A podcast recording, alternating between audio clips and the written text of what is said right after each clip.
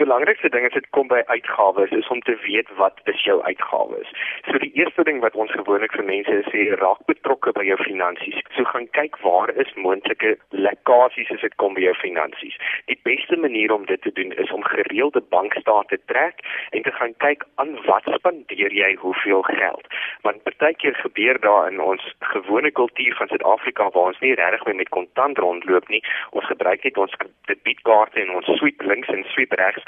Gaan ons baie keer 'n klomp geld spandeer wat ons nie noodwendig oor kontrole het nie en waarvan ons nie eintlik weet nie, want ons voel nie daai wisseling van geld van die fisiese geld uit ons rekening uit soos wat dit altyd in 'n beursie was nie. So die belangrikste ding is is gaan stel 'n begroting op bly binne jou begroting en kontroleer jou begroting op 'n weeklikse of maandelikse basis met jou bankstate sodat jy seker maak jy bly binne jou begroting wat jy vir jouself toegelaat het per maand. Die belangrike ding ook is wanneer ons kyk na begrotings om goederes op te deel, om te sê dit is my begroting vir kos en want ek seker maak ek bly binne daai begroting. Dit is my begroting vir diverse uitgawes en ek bly binne daai begroting of vir iets soos byvoorbeeld verjaarsdaggeskenke of nou die tyd van die jaar wanneer hulle kom by Kersgeskenke. Wat is my begroting daarvoor? En dan ook om te kyk na jou paemente, die debietorders wat afgaan om seker te maak dat jy bly binne daai tydsraamwerke van jou debietorder want sodra jy dan buite debietorder datums en daar's 'n terugallokering of die debietorder hop, dan is daar addisionele kostes wat jy gaan dra omdat daai debietorder nie deurgegaan het op daai spesifieke dag wat jy ooreengestem het nie. Jy die woord begroting baie gebruik Matthys en die mense is deesdae baie lui om te skryf. Ons neig meer na toepassings. Is daar toepassings wat ons kan help in hierdie verband? Daar is fantastiese toepassings wat 'n mens tans kan gebruik vir alles wat kom by besparing en by begroting. Die eerste een is spending tracker. Dit hou rekord van jou begroting as ook jou uitgawes. So dit integreer al die twee goeders.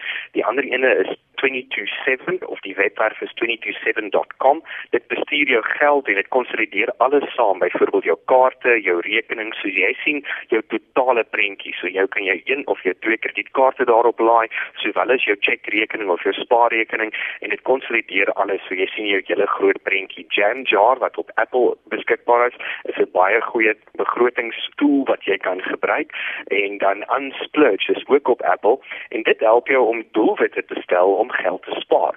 So daar kan jy spesifiek besluit wat is jou doelwit en jy allokeer dan per week of per maand geld na daai spesifieke doelwit toe.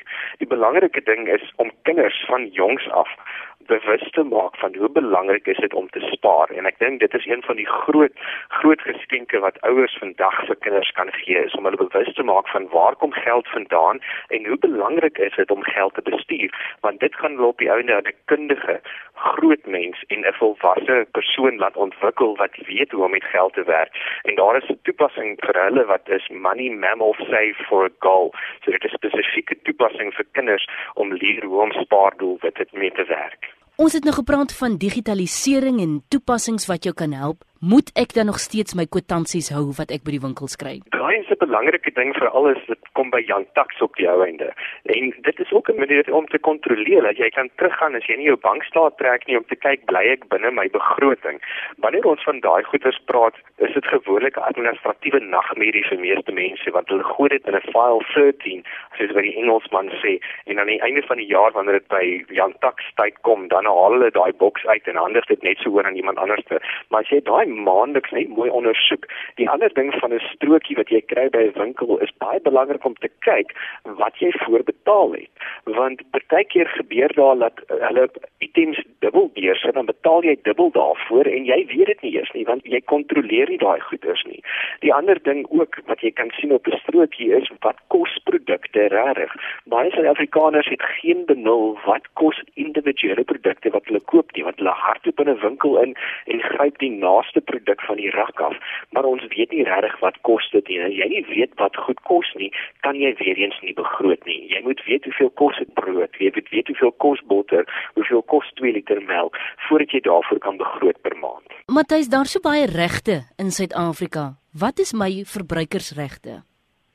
Jou verbruikersreg is eerstens dat jy moet weet dat jy kan enige tyd maak nie saak wat dit is, wanneer dit is nie, kan jy met jou krediteur of die persoon by wie jy 'n kredietonderneming aangaan, kan jy vra vra. Dit is jou reg om te vra. So die eerste ding is dat jy mag aansoek doen vir krediet. As 'n Suid-Afrikaner wat 'n goeie kredietrekord het en belangrik, Suid-Afrikaners kan een keer 'n jaar gratis 'n kredietrekord aftrek van die internet af.